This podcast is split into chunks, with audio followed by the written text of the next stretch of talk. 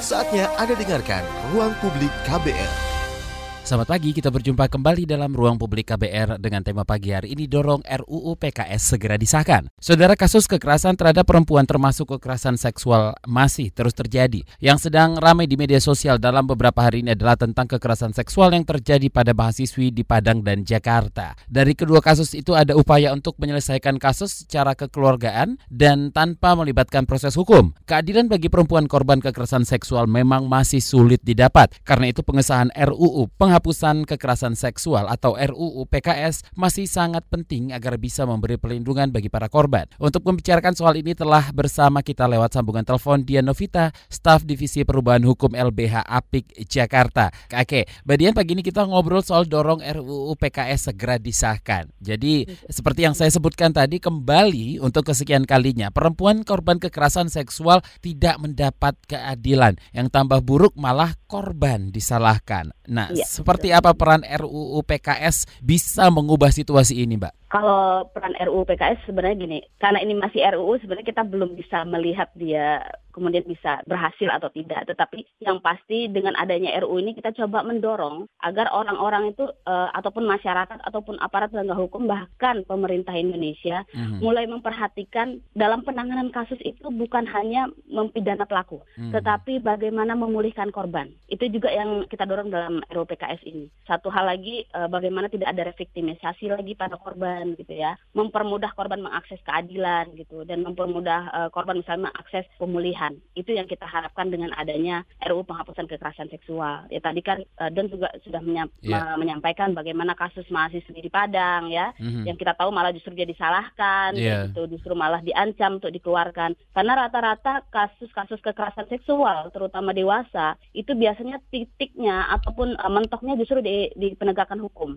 di hmm. sampai di aparat kepolisian atau bahkan tidak sampai di aparat kepolisian karena banyaknya tekanan uh, kepada korban itu tadi gitu. Jadi harapan kita ketika ada RUU PKS kita berharap ini akan menjadi pintu gitu, pintu untuk kita mulai membicarakan bagaimana korban ketika tindak pidana ini sudah di apa diselesaikan ataupun misalnya pelakunya ditangkap terus bagaimana korbannya itu yang harapan kita sebenarnya ke depannya. Oke, Mbak Dian RUU PKS kan masuk dalam prolegnas 2020. Targetnya tentu bisa disahkan secepat mungkin. Dari ya. informasi informasi yang LBH Apik dapatkan, pembahasan RUU PKS ini akan melanjutkan pembahasan dari periode sebelumnya mungkin atau untuk mengingatkan kembali? Jadi gini Don, sebenarnya RUU PKS ini kemarin kan sudah masuk di periode sebelumnya ya. Yeah, uh. Dan itu sudah uh, dari sejak tahun 2016 kita apa masuk RUU ini menjadi pembahasan bahkan menjadi prioritas prolegnas. Tetapi sebenarnya yang membuat kita kecewa ketika dia menjadi prioritas prolegnas, kenapa dalam waktu tiga tahun anggota DPR kita itu baru selesai bukan bukan selesai bahkan belum selesai belum okay. selesai membahas bahkan judul pun belum yeah. sampai saat ini RUPKS itu masih berdebat soal judul gitu loh mm-hmm. soal judul berdebat dan belum belum ada langkah lanjut untuk bahas substansi bahkan nah itu yang kita juga agak gimana ya kenapa ya dibilang prioritas tapi judul aja selama tiga tahun tidak ketemu mm-hmm. nggak ada kesepakatan bahas judul apalagi membahas substansinya gitu nah itu juga yang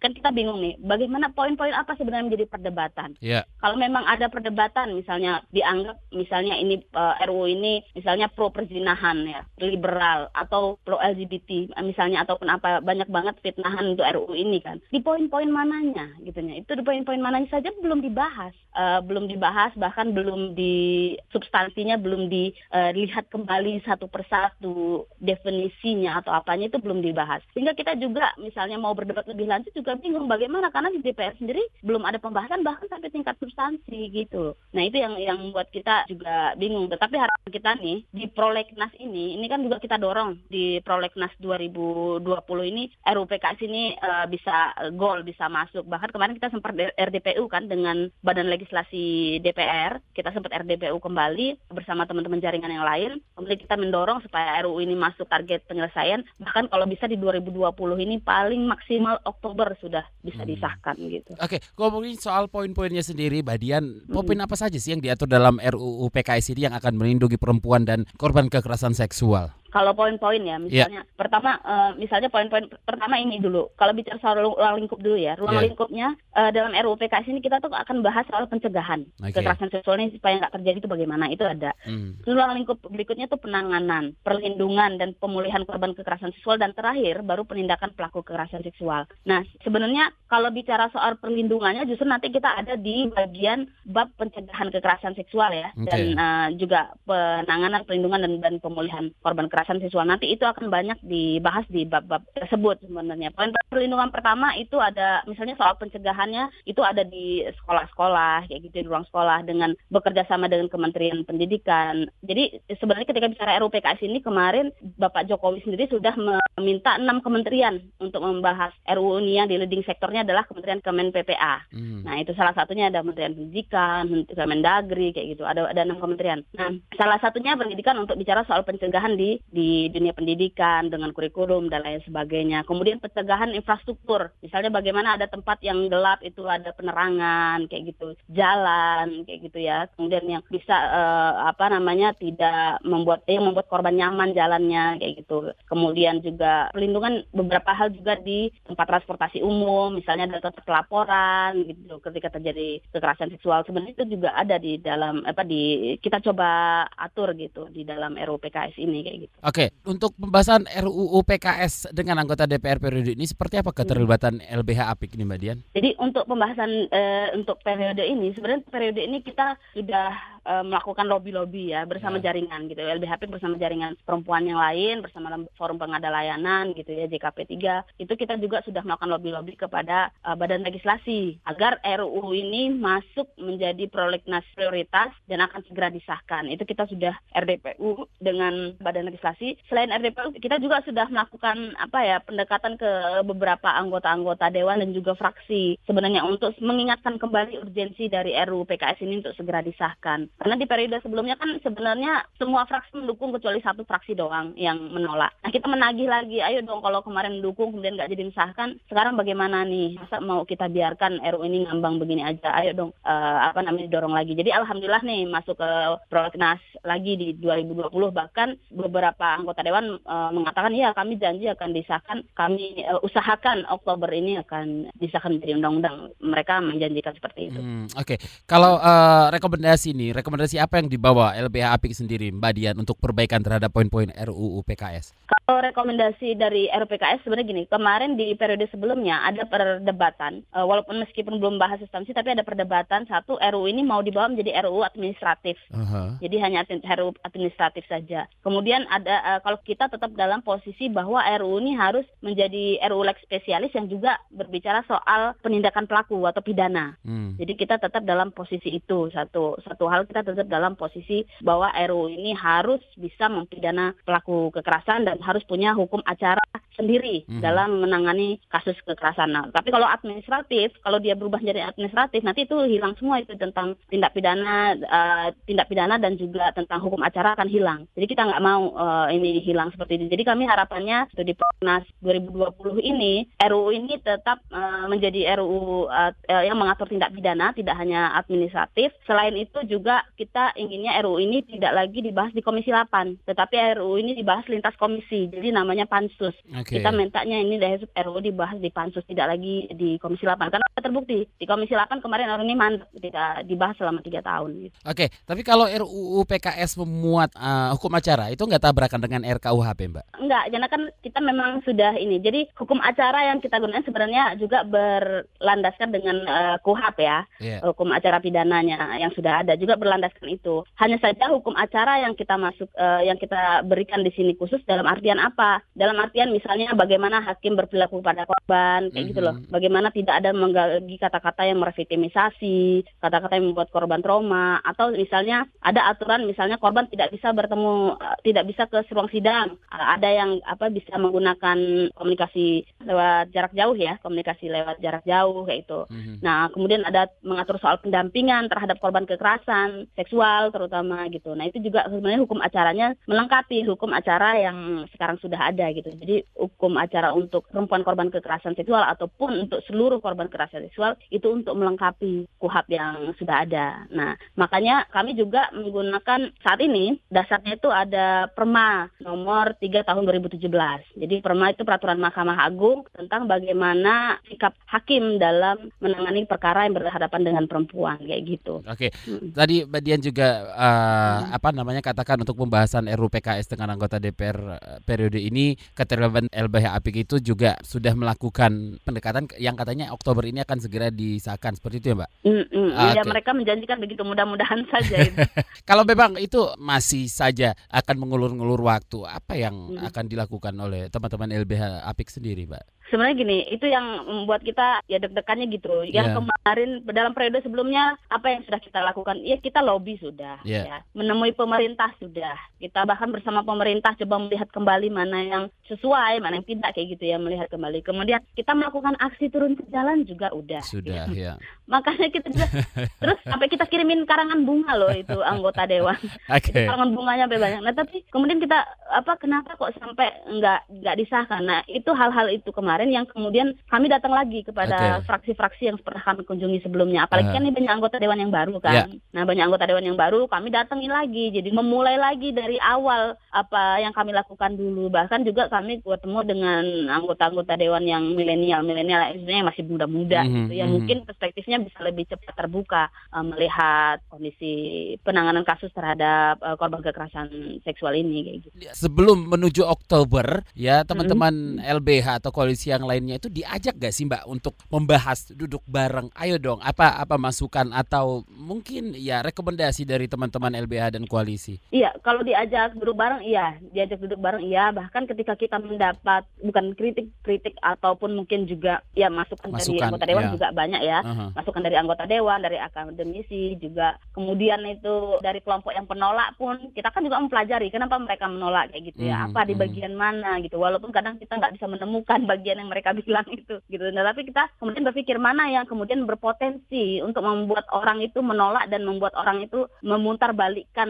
uh, kalimat yang ada di dalam apa namanya itu di dalam RU ini. Nah, itu juga kita pelajari kemudian dan kita minta masukan-masukan. Bahkan setelah kasus terjadi kemarin banyak penolakan yang mengatasnamakan kelompok-kelompok agama tertentu, akhirnya kami juga mengundang kelompok-kelompok agama hmm. di Indonesia, hmm. mengundang memberikan masukan. Bagaimana kelompok-kelompok agama melihat poin-poin di dalam RUU PKS uh, mana yang uh, dikira-kira uh, dia ambigu, mana yeah. dikira-kira dia yang bisa memiliki tafsir multi kayak gitu. Nah itu di mana? Itu juga kami menerima masukan dan beberapa sih uh, sudah kita buat nih teman-teman yang selama ini menduk, mendukung RUPKS dan selama ini uh, mengusulkan, yang kebetulan kan diusulkan oleh Komnas Perempuan dan juga Forum Pengada Layanan ya kan, yeah. LBHP kan masuk di dalam Forum Pengada Layanan ini. Nah itu juga kita duduk bareng kok, kita lihat, uh, kita serap dari masukan-masukan berbagai uh, macam elemen ini ya, termasuk dari akademisi, dari kelompok-kelompok agama gitu. Tadi juga kita masuk bahkan kelompok adat kita juga minta masukan dari kelompok-kelompok adat. Misalnya ketika ini RU ini diterapkan di di mana namanya daerah-daerah terpencil yang dia masih menggunakan adat sebagai apa namanya itu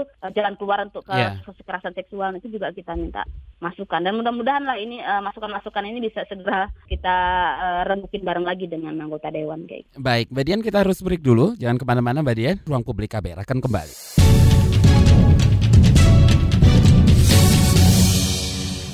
Anda masih mendengarkan ruang publik yang pagi ini mengangkat tema dorong RUU PKS segera disahkan. Masih bersama saya Don Brady dan juga Dian Novita, staf divisi perubahan hukum LBH Apik Jakarta. Mbak Dian? Oke. Okay, Oke, okay. kita angkat telepon dulu. Ada Pak Hengki di Tomohon. Selamat pagi oh, ya. Pak Hengki. Pagi Bang Don. Iya, silakan menurut saya begini ya, saya melihat kinerja DPR itu mereka cepat kalau untuk kepentingan mereka. Ya, yang kita amati. Contoh tuh pembentukan RUU KPK.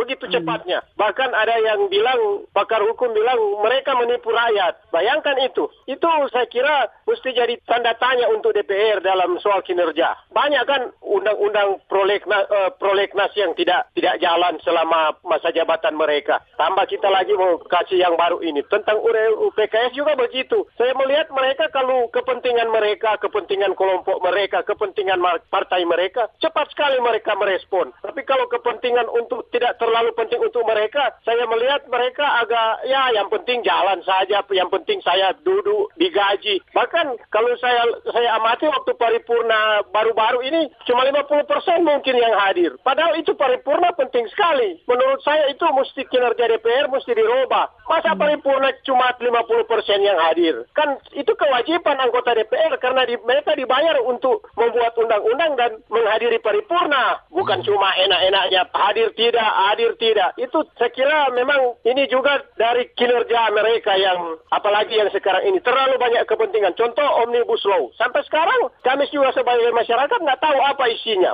Katanya semua diserahkan ke DPR. Itu kan semuanya masih publik juga mesti tahu. Yeah. Jadi saya kira kinerja DPR memang mesti lebih diperbaiki lagi. Kita harap ketua DPR yang baru mesti lebih lebih aktif lagi mengawasi anak buahnya karena terlalu banyak itu ketentuan-ketentuan atau pelanggaran yang mereka menganggap itu hal-hal biasa tidak hadir di paripurna atau tidak hadir dalam rapat-rapat di komisi atau rapat dengar pendapat. Saya kira itu saja Bang Don dan ya. narasumber untuk URU PKS saya kira didorong saja terus untuk itu supaya cepat karena kalau tidak didorong mereka tidak akan ambil pusing dengan RUU itu. Itu saja. Makasih banyak. Selamat pagi. Selamat pagi Pak Hengki di Tomohon. Oke, okay. um, Badian, kekerasan seksual kan kita tahu memang termasuk tindakan kriminal yang bukan delik aduan ya, tapi kerap kita baca di media sosial atau polisi selalu minta korban untuk melapor gitu loh. Mm-hmm. Seperti yang katakan dikatakan Pak Hengki tadi, ini bukan jadi kepentingan para anggota dewan kita, jadi mereka tidak memprioritaskan hal ini, tapi sebenarnya yeah. kekerasan seksual itu bisa dialami siapa saja, bukan begitu, Mbak Dian? Betul, betul yeah. sekali. Uh-huh. Siapa aja bisa mengalami, laki, perempuan, tua, yeah. muda, itu yeah. semua bisa mengalami kekerasan seksual, Bang Don. Jadi gini, kita tahu ya, yeah. tadi Bang Don juga bilang kalau polisi selalu minta korban untuk melapor. Uh-huh.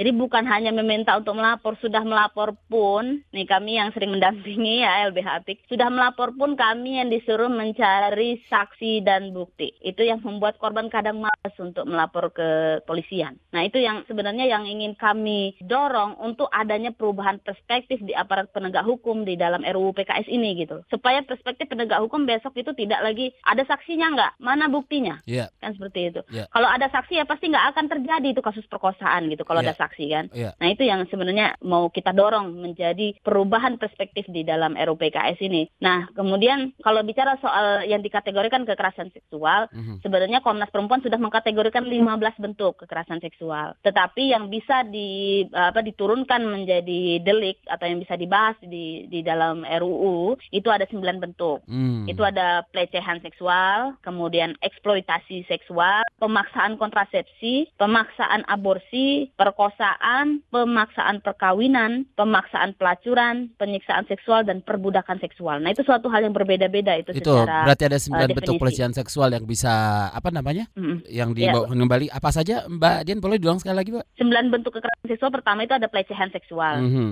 Nah, jadi ada eksploitasi seksual. Oke. Okay. Pemaksaan kontrasepsi, pemaksaan aborsi, okay. perkosaan, mm -hmm. pemaksaan perkawinan, mm -hmm pemaksaan pelacuran, penyiksaan seksual dan perbudakan seksual. Ini yang ada dalam RUPKS ya, yeah. yang kami atur dalam RUPKS. Kenapa kok sembilan bentuk ini? Karena sebelumnya di Indonesia itu kita sudah mengatur soal kekerasan seksual, hmm. tetapi di dalam pasal tentang perkosaan di dalam KUHP dan juga uh, tentang pelecehan seksual juga masuk dalam pasal pencabulan kesusilaan. Yeah. Tapi itu sangat terbatas sehingga selama ini banyak korban yang tidak mendapatkan keadilan karena keterbatasan definisi itu tadi definisi kekerasan seksual. Jadi kekerasan seksual yang dikategorikan perkosaan itu dia hanya uh, mohon maaf hanya penetrasi penis dan vagina kalau ada dalam KUHP kita. Mm-hmm. Nah di luar itu dia masuknya pencabulan. Sedangkan traumanya sama, yeah. ketakutan yang ditimbulkan sama, kerusakan yang ditimbulkan sama. Tetapi kenapa kok hukumannya itu berbeda? Karena masuknya pasal pencabulan. Pencabulan kan paling lama, paling lama itu paling enam bulan dihukum ya, paling lama enam bulan. Tapi kalau kasusnya memang sangat ini ada juga yang sampai satu tahun lebih. Hmm. Kasusnya hmm. memang sudah sangat uh, menimbulkan kerusakan yang cukup parah gitu.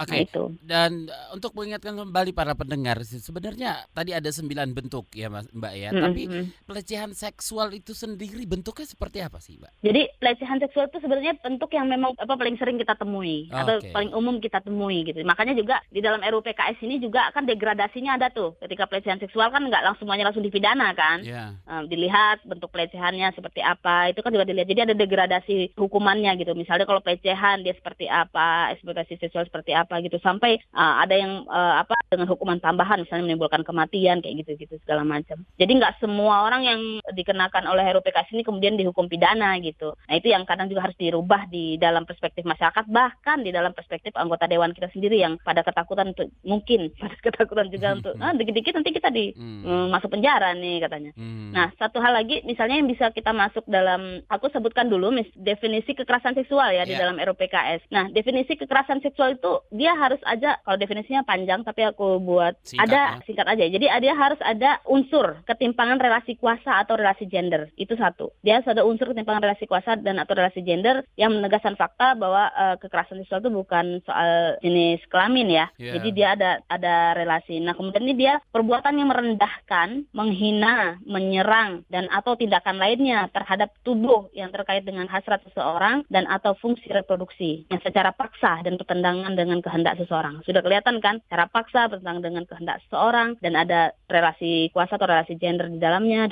dan menimbulkan kerugian bagi orang tersebut baik secara sosial, politik, psikologis kayak gitu. Hmm. Nah itu itu dulu kita pahami bahwa definisi kekerasan seksualnya itu. Hmm. Nah terus apa saja sih misalnya yang yang uh, menjadi uh, yang bisa disebut sebagai pelecehan seksual? Ya, misalnya kalau pelecehan gitu? seksual bentuknya apa? Misalnya di ini ya pelecehan seksual itu sebenarnya bisa terjadi di mana aja ya. Bahkan di kita sesama teman kerja misalnya. Karena kadang kita kan menganggap pelecehan seksual atau kekerasan seksual itu masih masih menjadi bahan bercandaan ya kan? Masih menjadi bahan bercandaan. Misalnya yang menyebutkan bentuk tubuh seseorang, wah kamu kok begini gitu, hmm. itu jadi ketawaan misalnya. Padahal itu sudah masuk dalam kategori pelecehan seksual itu. Jadi ya, yang disebutkan tadi dia kemudian merasa rendah diri, dia merasa dihina, misalnya dia merasa yang menyebutkan mungkin juga uh, relasi gendernya yang berbeda kayak gitu. Nah itu juga termasuk salah satu pelecehan seksual ataupun yang kayak meraba, mencium, memeluk, menyentuh, mencolek gitu, atau bahkan mengirimkan gambar tidak senonoh kepada orang lain misalnya mengirimkan gambar yang menurut orang lain karena dikirimkan itu dia menjadi trauma atau dia menjadi merasa dipermalukan kayak gitu. Nah itu juga uh, masuk menjadi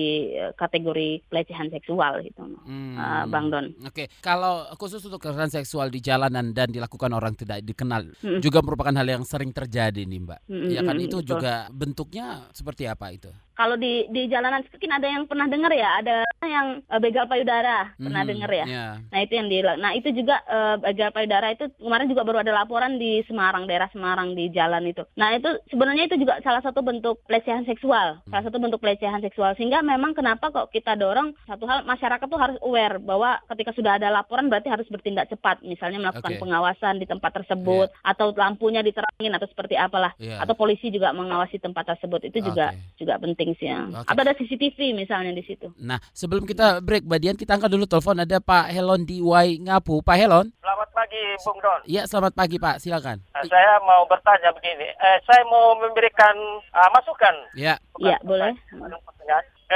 KS ini uh, bisa mendapat perhatian serius dari DPR hmm. sehingga RUU KS ini tidak menjadi bahan yang diteram di meja DPR. Uh, ini masukan dari saya sebagai iya. warga masyarakat yang sangat mendukung rancangan ini ya.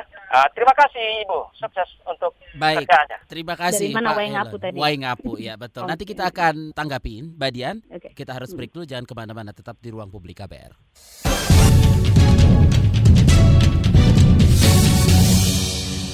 Dengarkan ruang publik KBR bersama saya Don Brady dengan tema pagi hari ini dorong RUU PKS segera disahkan. Siaran pagi bersama Dian Novita di sambungan telepon, ya staf divisi perubahan hukum LBH Apik Jakarta, Mbak Dian. Ya, halo. Iya, kita angkat telepon lagi nih ada Pak Herman di Sintang nih. Selamat pagi Pak Herman. Selamat pagi Bung John, selamat pagi Bung Sumber. Silakan Pak Herman. Ya, saya sebagai masyarakat biasa ya sangat mendukung supaya DPR itu mengesahkan undang-undang penghapusan kekerasan terhadap perempuan. Karena saya sebagai laki sadar kalau saya itu punya keluarga perempuan juga, hmm. punya hmm. saudara perempuan juga. Yang saya pertanyakan kepada DPR khususnya yang partai politik janganlah dimainkan dengan politik hal-hal yang demi kepentingan masyarakat luas gitu ya. Hmm. Terutamanya kepada perempuan. Itu yang saya harapkan dan juga DPR harus berpikir terhadap keluarganya apakah keluarganya tidak ada yang perempuan itu. Itu hmm. menurut saya yang harus terpenting harus dipikirkan panjang. Jangan menunda-nunda pengesahan kekerasan seksual ini disahkan karena hmm. ini menyangkut kepentingan masa depan kita semua, Pak. Masa hmm. depan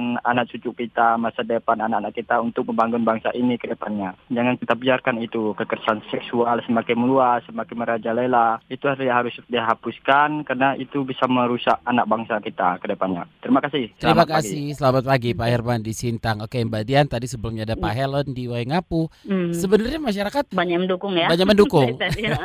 Dan kalau dari LBH sendiri sudah ada nggak sih survei sendiri masyarakat itu sudah tahu nggak sih RUU PKS ini sebenarnya untuk jadi, apa? Untuk apa? Iya, uh. jadi sebenarnya kalau memang kemarin juga menjadi evaluasi kami, apakah ini kemudian masih sedikit yang masyarakat mengetahui RUU hmm. penghapusan hmm. kekerasan seksual gitu. Hmm. Jadi misalnya kita berkaca dari perjuangannya RUU PKDRT. Kayaknya dulu setiap orang, setiap warung, setiap siapa pun udah ngomongin RUU PKDRT ya. Hmm. Jadi kita berkaca itu apakah ini sudah meluas kita. Nah, itu yang uh, kemarin juga jadi refleksinya kami juga gitu. Hmm. Walaupun uh, teman-teman LBH Apik Jakarta kan memang lingkupnya di Jakarta pekerjaannya, tapi kan LBH Apik Jakarta LBH Apik juga kan banyak jaringan di daerah-daerah yang jaringan ini juga uh, bersama forum pengada layanan yang juga ada di daerah-daerah, yang juga ada di Nusa Tenggara Timur bahkan sampai Papua. Waktu itu memang kita uh, kemudian mau nyerukan lah untuk teman-teman kita buat sosialisasi-sosialisasi atau kampanye soal terkait RUU penghapusan kekerasan seksual biar masyarakat banyak itu mengetahui RUU penghapusan kekerasan seksual ini apa sih itu. Mm-hmm. Juga ya kita lakukan dan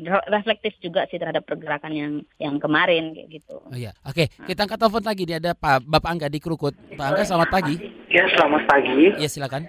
Saya ingin tanya ya tuh tentang kekerasan seksual. Mm-hmm. Nah, kalau kekerasan seksual ini misalnya dialami oleh penyandang disabilitas, mm-hmm. apakah si pelaku itu dihukumnya apakah sama sama seperti yang lain misalnya penjara juga apa e, dikebiri gitu aja. Mm-hmm. Nah, terus pertanyaan kedua, apakah dengan adanya kejadian seperti ini, seperti yang tadi Ibu bicarakan eh, tentang kekerasan seksual, apakah kurangnya pendidikan Kespro atau seperti apa kemudian? Ya itu saja, terima kasih Bang Don. Ya, terima kasih. Selamat Pak. pagi Bang Don. Selamat pagi Pak Angga di Krukut.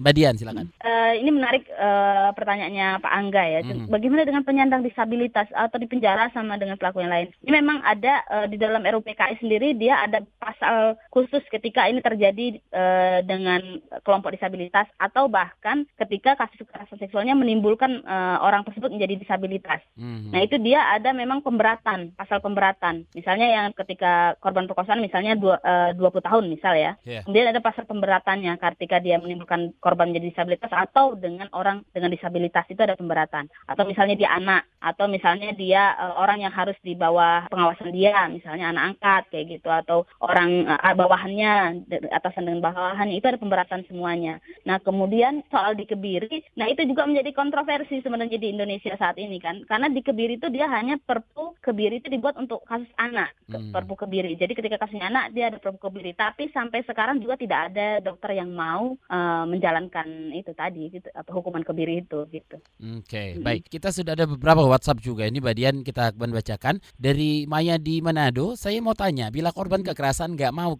kasusnya diteruskan itu gimana ya? Iya, langsung aja ya. Iya, langsung aja Sebenarnya di, di LBHP banyak tuh uh, yang okay. melaporkan tapi kasusnya tidak mau diteruskan. Hmm. Karena kan banyak pertimbangan ya bagi korban kekerasan seksual ketika kasusnya ini masuk ke dalam ke hukum, ranah hukum dan lain sebagainya. Jadi kalau di LBH Apik justru korban yang tidak meneruskan apa? meneruskan laporan kepolisian justru lebih banyak daripada yang meneruskan. Jadi itu kami biasanya itu melakukan pendampingan psikologis, pendampingan psikologis misalnya mereka mau atau mereka segera konsultasi. Nah, sebenarnya untuk korban-korban perkosaan ya atau pelecehan-pelecehan seksual yang cukup ini sebenarnya kami tidak menyarankan mediasi, okay. tidak menyarankan mediasi. Tetapi kalau misalnya tidak tidak tidak mau di apa dibawa ke ranah hukum misalnya, tetap kita panggil gitu ya pelaku dan kita panggil ini mau seperti apa nih situasinya kan sudah seperti ini dan kita nggak pernah mau mempertemukan antara korban dengan pelaku, tapi kita minta korbannya. Jadi kita seperti sebagai kuasa hukumnya korban, misalnya korbannya mau apa nih, misalnya dia uh, si pelaku bertanggung jawab terhadap kehamilannya misalnya anaknya uh, misalnya anaknya uh, diberikan nafkah gitu sampai ke akhirnya itu itu biasanya di kita yang uh, apa memfasilitasinya LBH Apik yang memfasilitasi itu. Oke, okay. dari Dwi di Jogja bisa nggak sih media kalau memberitakan kasus kekerasan seksual pelakunya aja yang datanya disebutkan dengan jelas dan korban nggak perlu disebutkan. Media kita malah sebaliknya data korban diumbar, data pelaku ditutupi. Gimana di temuan dari LBH Apik, Mbak? Iya, kita dengan apa dengar jurnalis atau media-media di hmm, Indonesia hmm. juga uh, ada beberapa hal lah, tapi ada beberapa media yang juga sudah me, sangat baik dalam melakukan pemberitaan ya. Hmm. Misalnya dia menyembunyikan nama korban, tapi ada beberapa juga media yang justru dia menyembunyikan nama korbannya misalnya diinisialin jadi N misalnya, tetapi yeah. ibunya disorot rumahnya, disorot gang masuk rumahnya, disorot. Jadi itu kan percuma kalau seperti itu sebenarnya itu kan uh, apa namanya ini juga yang menjadi masalah. Aha. Sehingga di LBHP ketika ada uh, korban ya, misalnya lapor ke LBH Apik, itu biasanya kita langsung keep dulu, kita tidak kasih di mana orangnya, nomor perkaranya. Memang untuk awal kita tidak memberikan itu, kan kita hanya memberikan nama inisial gitu untuk uh, apa untuk ke media, karena ini kan penting untuk perkembangan psikologi dia, apalagi kasusnya anak. Hmm. Ya, karena nanti dia pasti akan lihat lagi beritanya kayak gitu. Nah itu juga. Yeah. Nah kalau untuk media-media ini kami kemarin tuh waktu itu kami sudah melakukan audiensi ke beberapa media-media besar ya untuk terkait pemberitaan ini gitu. Oke, dari Linda di Jambi, saya punya teman yang pernah mengalami kekerasan seksual. Saya sangat kagum karena dia kuat, tapi saya bingung harus bersikap seperti apa. Apakah harus hmm. menunjukkan kalau saya ikut sedih atau bersikap biasa saja? Ya, jadi gini, misalnya dia korban kekerasan seksual, tapi tindakan pertama kita adalah kita menjadi teman ya. Hmm. Karena kan kita nggak tahu apa kuat seperti apanya juga kan kita nggak tahu. Karena kan ada banyak juga kok korban yang dia memang kelihatannya kuat, dia berani, dia datang ke LBH dan dia sendiri yang minta untuk lapor ke polisi, visum, itu juga banyak beberapa korban yang berani melakukan itu gitu. Nah, paling tidak menjadi teman saja dulu, apa tidak usah mengungkit kalau memang dia tidak belum mau, belum mau bercerita. Nanti suatu saat pasti akan bercerita. Jadi teman aja dulu. Jadi teman dan kalau dia ingin semuanya berlaku seperti biasa ya sudah kita juga berlaku seperti biasa aja gitu. Nanti juga dia akan akan apa bercerita sendiri ketika dia membutuhkan untuk bercerita kok. Oke, dari Wahyu di Depok nggak ada yang mau jadi korban kekerasan termasuk kekerasan seksual. Tapi Betul. netizen netizen kita mudah banget ngatain orang orang lain yang jadi korban lewat komen sosmed. Ini belum uh, lingkungan sekitar, sosial media juga menjadi tekanan nih Mbak Dian. Iya, itu ya sih net, netizen itu yang kita yeah. juga uh, apa apa ya agak sulit bisa bicara soal netizen. Nah, jadi kita kan sudah ada undang ITE ya. Tetapi ITE ini juga pisau bermata dua sebenarnya. Mm -hmm. Dia menyerang orang yang menjadi korban eh menjadi pelaku bisa dan menyerang korban juga bisa mm -hmm. ITE. Makanya kita juga lagi mau di nih undang-undang ITE ini khususnya pasal berapa ya? Nanti aku lihat yeah. pasal yang terkait soal itu gitu. Yeah. Nah, jadi itu juga supaya agar misalnya nih korban uh, sekarang kan banyak nih pengaduan-pengaduan yang terkait dengan uh, teknologi ya. Mm-hmm. Misalnya korban uh, difoto tanpa izinnya korban kemudian fotonya uh, disebar eh malah korbannya juga yang ditangkap karena dianggap ikut membuat padahal dia nggak tahu kalau jadi foto. Nah, itu yang kita mau uh, mau kritisi sebenarnya dari undang-undang ITE. Tapi itu penting bagi kita makanya kenapa kok di dalam RUU PKS salah satunya di soal pencegahan kekerasan seksual itu ada kurikulum misalnya pembelajaran soal uh, bagaimana menghargai tubuh orang lain kayak gitu loh bukan hanya Cashpro ya tapi secara luas gitu. Oke, Mbak Dian kita harus break dulu kita masih ada satu segmen lagi nanti segmen terakhir ya. Oke siap, siap. Jangan ke mana-mana tetap di ruang publik KBR.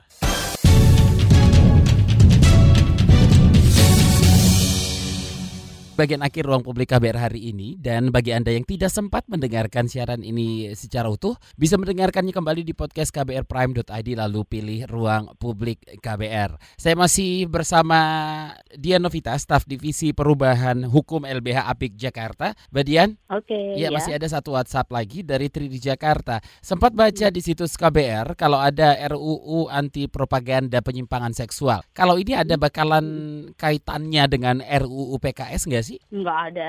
Enggak ada ya.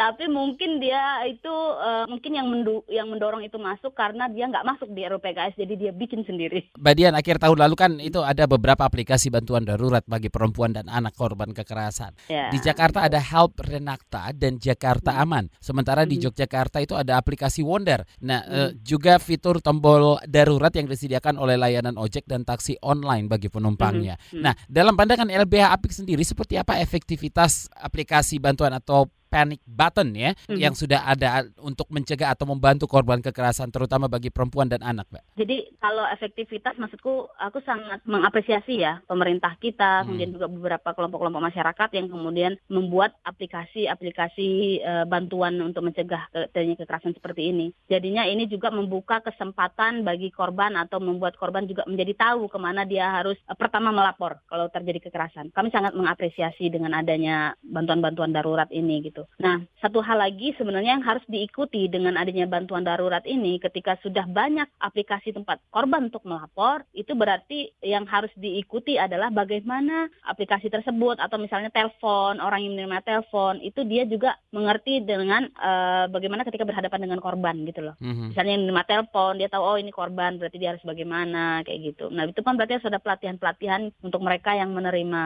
telepon-telepon yang khusus uh, berkaitan dengan kekerasan seksual mm-hmm. Misalnya. Nah, itu juga harus ada pelatihan-pelatihan khusus. Selain itu harus diikuti dengan aparat penegak hukumnya. Karena karena udah banyak pelaporan nih. Kalau udah banyak pelaporan ketika dia masuk ke aparat penegak hukum ya berarti aparat penegak hukum harus mempunyai perspektif yang eh, lebih baik gitu Betul. terhadap uh, korban. Kalau nggak lebih baik percuma ada aplikasi-aplikasi seperti yeah. ini. Semakin banyak yang melapor tapi aparatnya tidak berubah ya sama aja nanti ya, apa mungkin orang akan lebih banyak ah lebih nggak usah melapor nanti percuma. Oke. Okay. Gitu. Nah selain aplikasi yang bisa digunakan dalam keadaan darurat, apalagi sebenarnya saran atau cara yang bisa dilakukan para korban kekerasan seksual atau mereka yang mengetahuinya, Pak? Jadi kalau untuk mereka yang mengetahuinya, sebenarnya untuk mereka yang mengetahuinya itu memang bisa langsung telepon ya, telepon atau langsung berteriak misalnya. Kalau hmm. uh, misalnya dengan anak-anak itu memang mengajarnya untuk pertama dia diberitahu dulu mana yang nggak boleh disentuh oleh orang lain kayak yeah. gitu iya. misalnya. Nah itu dia pertama kalau sampai ada yang begitu teriak, teriak atau lari. Nah pertama seperti itu. Nah misalnya teriak itu kan nggak gampang karena ada juga yang langsung freeze gitu ya, ketika hmm. mengalami kekerasan seksual Betul. gitu langsung beku gitu. Nah hmm. tapi ketika dia mengalami itu uh, apa memang lebih baik dia langsung bercerita lah. Entah dia mau nangis tadi apa dia, dengan orang yang dia temuin gitu. Dengan dia orang yang temuin. Nah itu seperti kejadian di Semarang kemarin. Dia nangis di jalan nah kebetulan ada orang udah minggir dulu kenapa? Gitu. Apa ya bisa bisa menjadi. Dan bagaimana lingkungan lah. Lingkungan juga mulai aware dengan orang-orang yang yang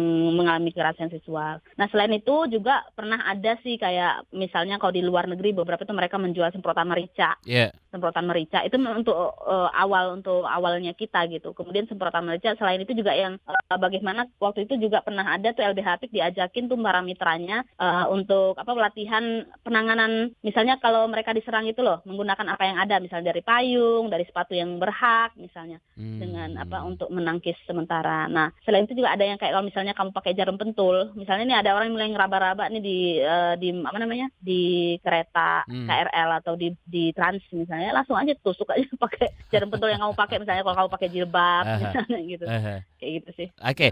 uh, berarti pelatihan membela diri gitu ya Mbak ya. Hmm, hmm, Oke, okay. nah mungkin ada nomor darurat yang harus selalu disimpan di handphone agar mudah mencari bantuan ketika melihat atau mengalami kekerasan Mbak Dian? Iya, ada nomor darurat itu kalau kayak Jakarta itu kan ada 112 hmm. ya. Sebenarnya nanti langsungnya ke hubung ke badan apa yang penanggulangan bencana, tapi hmm. nanti bisa dialihkan ke sana ataupun juga ke hotline-nya LBH Apik, bentar ya. Yeah. Uh, ke hotline-nya LBH Apik itu bisa di kamu bisa hubungi ke 08 mm -hmm. 13 mm -hmm. 888 888 22 669. Oke, saya ulangi Mbak 0813 888 22669. Ya, itu yang LBH Atik Jakarta ya, hotline-nya LBH Atik Jakarta. Oke, baik. Kalau untuk himbauan sendiri nih Mbak, uh, himbauan untuk masyarakat atau pendengar agar mas semakin peduli dengan kekerasan seksual yang terjadi di sekitar mereka juga terhadap para korban. Jadi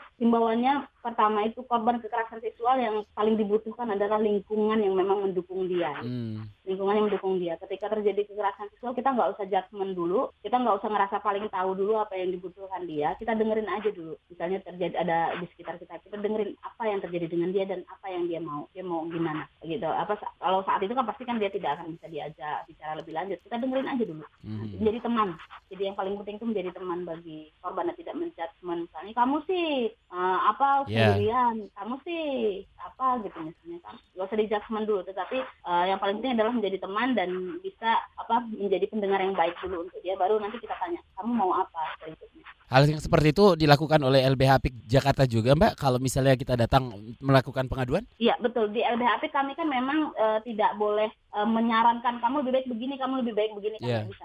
Semuanya memang berdasarkan pada si si korbannya gitu ya. Kami menyebut korban itu kalau di LBH Apik mitra. Mitra. Uh, uh, mitra. Jadi mereka datang, mitra datang dan kita mendengarkan dulu sebenarnya dia mau apa sih. Kan nanti kemudian ada yang dia memang mau konsultasi doang, ada yang dia pengen oh anaknya aja uh, diakui sama orang itu misalnya kayak gitu atau bagaimana. Hmm. Kita dengarkan dulu dari mitra, kemudian setelah kita dengarkan baru uh, kita lihat uh, list misalnya kebutuhan dia itu apa aja, apakah dia butuh ke psikolog atau dia butuh ke rumah aman atau dia butuh ke mana itu baru kita lihat kira-kira kebutuhan dia di mana dan kita juga kasih tahu kalau dia melapor itu nanti uh, baik buruk bagaimana, kalau dia tidak melapor baik buruk bagaimana. Sehingga ya kepilihan-pilihan semuanya tergantung pada si mitra.